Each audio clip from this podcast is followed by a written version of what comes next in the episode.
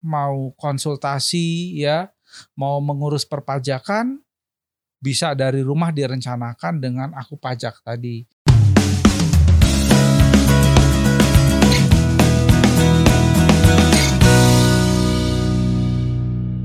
Halo kawan pajak, selamat datang di Spetak, studio podcast pajak KPP Pratama Boyolali. Dengan saya Erik di sini sebagai host kalian dan di episode perdana ini kami menghadirkan Kepala KPP Pratama Boyolali yaitu Bapak Muhammad Rifki Rahman. Halo Pak Rifki. Halo semua. Gimana Pak kabarnya? Lepas masker dulu ya. Oke. Jaga Biar jarak. Tetap harus satu meter. Siap. Eh, selamat sore kawan pajak semua, rekan-rekan semua sehat selalu. Salam sehat semua.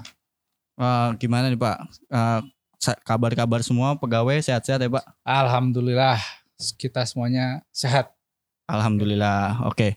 Nih Pak, kayak sekarang-sekarang ini seperti sekarang-sekarang ini KPP itu makin berkembang ya Pak. Makin banyak media penyuluhan. Eh, seperti dulu kita mengikuti Instagram, Twitter, Facebook.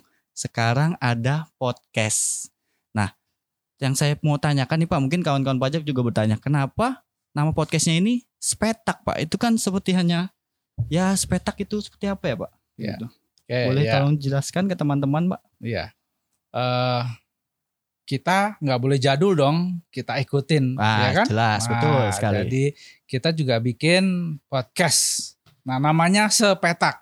Sepetak itu asal muasalnya kawan-kawan yang punya ide brilian ini Heeh. berasal dari studio podcast pajak. Oh ya. Sepetak studio podcast pajak petak. Nah, tempatnya ini kalau kawan pajak lihat ini adalah petak pojokan di ruangan yang dulu hanya buat tempat berkas-berkas lemari-lemari, Oh, tapi kita sulap menjadi podcast yang tentu berguna buat kawan pajak semua. Oh, jadinya malah sebelum ini jadi studio yang sebagus ini, itu hanya pojokan yang ada tempat berkas-berkas atau malah lemari-lemari aja gitu ya, Pak? Iya, betul seperti Wah, itu. berarti nih kawan pajak, ini salah satu kreativitas para pegawai KPP Pratama Boyolali mengubah pojokan ruangan yang yang ibaratnya tidak dilihat lah oleh orang Ya. lain sekarang menjadi pusat perhatian studio podcast ya, Pak. Betul sekali, Mas Erik. Lalu berarti kalau untuk seperti itu, tim-timnya itu sendiri dari pegawai-pegawainya sendiri, Pak? Oh iya, tentu. Jadi di sela-sela kesibukan kita bekerja, Ah, ini betul. sekaligus membangun hubungan, membangun komunikasi, Ah. sekaligus kita bangun kreativitas anak-anak muda, khususnya yang ada di KPP yang membangun ini sepetak. Wah, berarti selain kantornya mengikuti zaman dan memberikan fasilitas juga untuk Ya. teman-teman yang memiliki ide-ide kreativitas, yang kreatif-kreatif bisa untuk disalurkan ya Pak. Contohnya Ya. seperti ini ya Pak. Betul, Wah. seperti itu. Kawan-kawan pajak sangat bagus sekali nih eh, Kepala Kantor KPP Pratama Boyolali memberikan fasilitas untuk teman-teman terutama yang muda-muda di KPP Pratama Boyolali memiliki eh, fasilitas untuk menyalurkan bakatnya Ya, gitu ya Pak. betul. Tapi berarti kalau ini podcast studio podcast pajak ya Pak? Ya. Ah, berarti fokus kontennya ini seperti apa Pak? Ingin dikembangkannya nanti ke depan seperti Ya. apa? Ya tentunya sesuai dengan tujuannya kita memberikan informasi kepada masyarakat baik bersifat umum termasuk terkait dengan perpajakan dengan metode kekinian nih ya, ya kan Oh ya betul betul Podcast, betul ya. banget betul banget. dengan metode kekinian sehingga bisa tersampaikan dengan media apalagi sekarang telekomunikasi komunikasi begitu canggih harus dong kita ikut kan iya seperti dong, itu. masa kalah sama Iya, youtuber-youtuber ya kan. Nah, berarti kalau begitu eh, tujuan di tujuan dibuatnya podcast ini itu lebih ke anak-anak milenial gitu lah ya Pak ya? Ya. Untuk teman-teman milenial atau Ya, eh, awalnya memang kita ingin mengajak teman-teman milenial, ya? tapi jangan salah loh, zaman sekarang teman-teman milenial itu bisa diimbangi loh dengan teman-teman generasi sebelumnya. Ah, coba kok kita lihat, semua orang sekarang sudah biasa membuka YouTube, Betul bukan hanya sekali ya anak- Pak. bukan hanya anak-anak milenial kan. Jadi sesuai dengan tujuannya memberikan informasi kepada masyarakat yang sudah dengan teknologi yang kekinian seperti itu. Berarti ini ya Pak, kita dari KPP Boyolali lebih mendekatkan ke masyarakat melalui media-media yang sekarang sangat mudah lah. Ya lewat HP aja sudah bisa ya, ya Pak ya. Betul. Apalagi HP sekarang sudah Android, ya. iPhone itu udah sangat ya canggih sekali lah seperti itu. Ya. Lalu Pak, untuk kita mungkin segitu dulu, tapi ini sekarang ke KPP-nya Pak. Boyolali ini kan cukup kabupaten yang saya lihat di peta sih Pak, itu kan cukup luas ya Pak. Hmm. Kalau boleh tahu tuh KPP Boyolali itu ada berapa kecamatan sih Pak? Ya. Gitu. KPP Pratama Boyolali itu membawahi wilayah Kabupaten Boyolali ya yang terdiri dari 22 kecamatan. Wah, 22. Iya, 22 kecamatan. Kecamatan terjauh di Juwangi sana itu. Juwangi. Ya? Uh, uh. Itu berarti ke arah mana tuh, Pak? Arahnya ke arah utara Purwodadi, uh -huh. di situ ada yang namanya Waduk. Waduh saya lupa tuh. Waduk besar tapi itu saya tahu ya. tuh Pak. Kedung Om. Kedung Ombo. Ah, Kedung Ombo ya. Bapak yang tahu nah, saya jadi tidak Waduk Kedung Ombo di sana. Jangan lupa uh -huh. ya wilayah Boyolali itu adalah uh, wilayah yang menjadi penyangga dari Surakarta dan Semarang. Oh dan iya, betul, perkembangannya betul, betul. begitu cepat ya. Oleh karenanya peran keberadaan KPP bersama Pemda di sini untuk bisa menjalin me, mengurus masalah perpajakan baik pajak pusat maupun pajak daerah yang dikelola oleh Pemda. Kurang lebih seperti itu. Wah iya, tadi benar banget kata Bapak. Bola itu kayak strategis banget gitu loh Pak. Orang Solo kalau mau ke Semarang nontol lewat kita, yeah. lewat Boyolali atau sebaliknya orang Semarang mau jalan-jalan ke Solo lewat Boyolali yeah. seperti itu ya Pak. Jadinya uh, seharusnya banyak sih ya uh, bisa potensi-potensi perpajakan yeah. yang diimpun. Nah, tapi Pak tadi kan Bapak sudah bahas tuh ada kecamatan terjauh yeah. Juwangi arah Purwodadi ya Pak.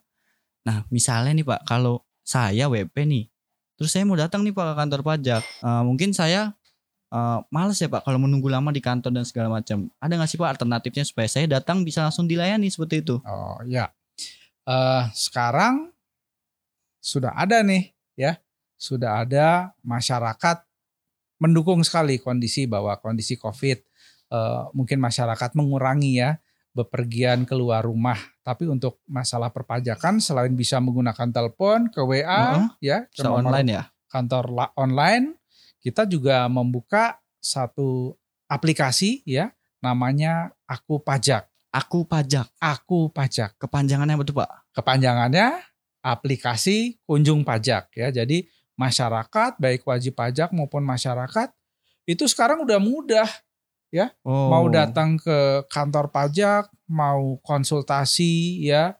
Mau mengurus perpajakan bisa dari rumah direncanakan dengan aku pajak tadi.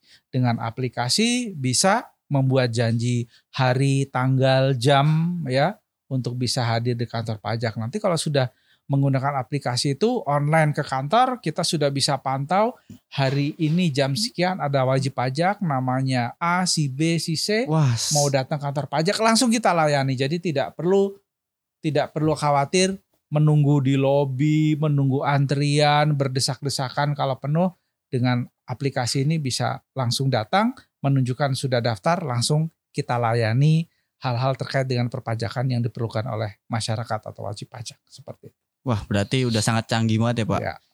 Saya mau datang besok jam 10.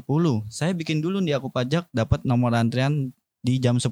Ya. Tapi saya harus on time dong, Pak. Oh iya. Saya tentu. jam 10 harus saya jam 10 Betul. saya datang. Ya. Kalau lewat ya konsekuensi saya berarti ya, sebagai betul. wajib pajak ya. kamu kok telat karena ya. nanti pada saat kamu datang langsung dilayani gitu ya, ya Pak. betul.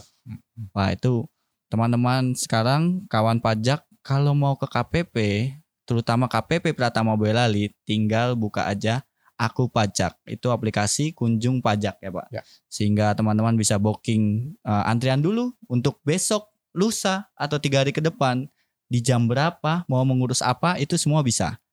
Ya. Itu ya Pak. Ya. Nah, oh tambahan. Nah, apa tuh? Aku Pajak ini bukan hanya di Boyolali. Oh, berarti seluruh Indonesia. Sudah nasional ini Pak? Sudah nasional. Wah berarti ah, itu jadi seluruh ya. masyarakat ya. dari Sabang sampai Merauke ya apabila akan datang konsultasi ke kantor pajak di mana saja bisa. Nanti kantor pajaknya mana yang akan dituju itu bisa memilih jam, waktu, tanggal, keperluannya sama bertemu dengan siapa nanti di aplikasi itu bisa kita layani dengan baik. Seperti Wah, itu. malah ternyata lebih canggih lagi teman-teman. Bisa semua KPP. Tinggal ya. masuk satu aplikasi kita bisa milih KPP mana yang mau didatangi. Ya. Jam berapa atau mau melakukan kegiatan apa atau ya. layanan apa ya Pak? Ya betul sekali. Oke Pak, ini tapi ini kan kita sekarang lagi ini banget ya Pak, lagi yang tadi kita bahas itu masalah WP sudah wajib pajak mengurangi datang, kunjungan, keluar rumah dan segala macam. Ini kan lagi berarti lagi krisis-krisis ya karena COVID ya Pak, pandemi COVID-19. Ada nggak sih Pak harapannya dari Bapak selaku kepala kantor pelayanan pajak Pratama Boyolali ke teman-teman atau ke seluruh masyarakat kayak gitu ya. Pak?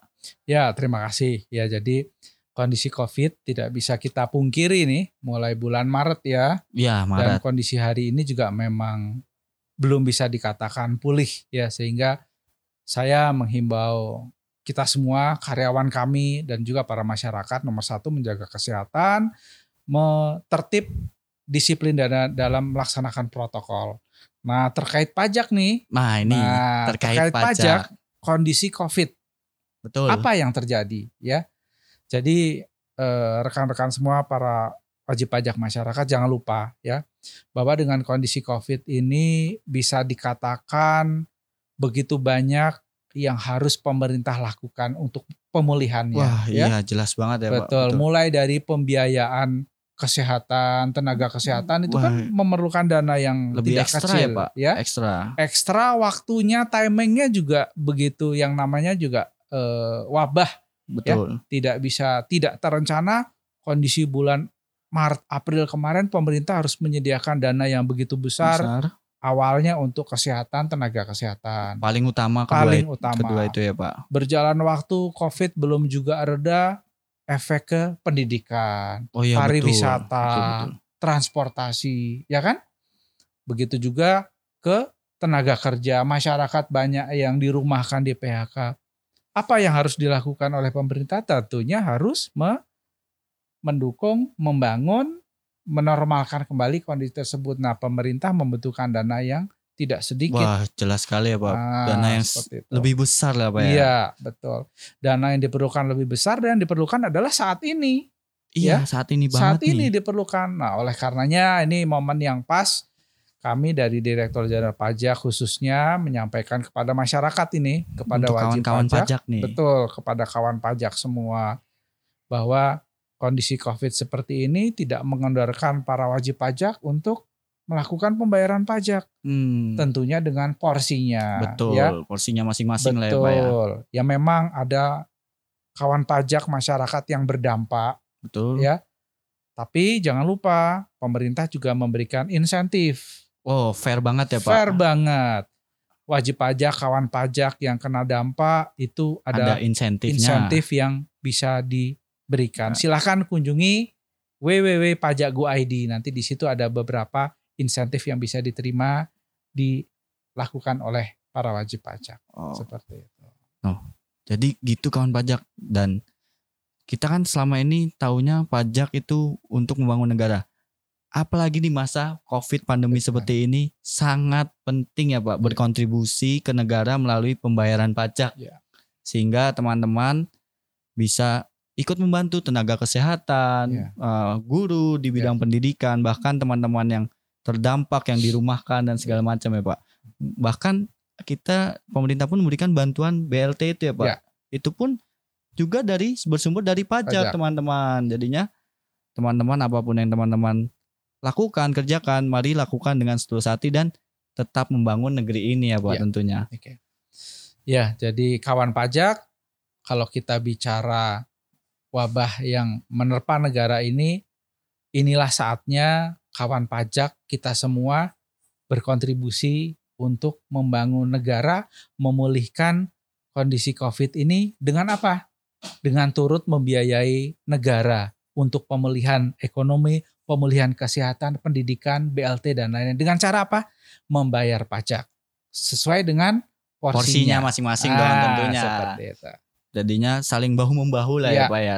Kita sebagai warga negara masyarakat warga negara Indonesia saling bahu membahu menolong sesama dengan Iya. membayar pajak.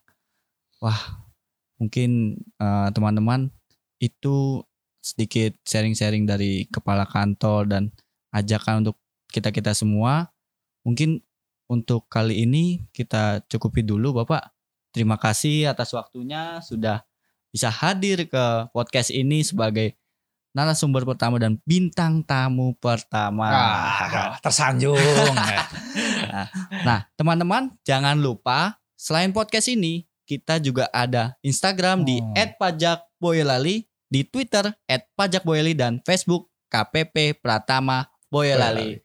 Mungkin itu dulu teman-teman. Selamat melanjutkan aktivitas dan sampai jumpa di Spetak Studio Podcast Pajak KPP Pratama Boyolali episode berikutnya. Dadah. Eh,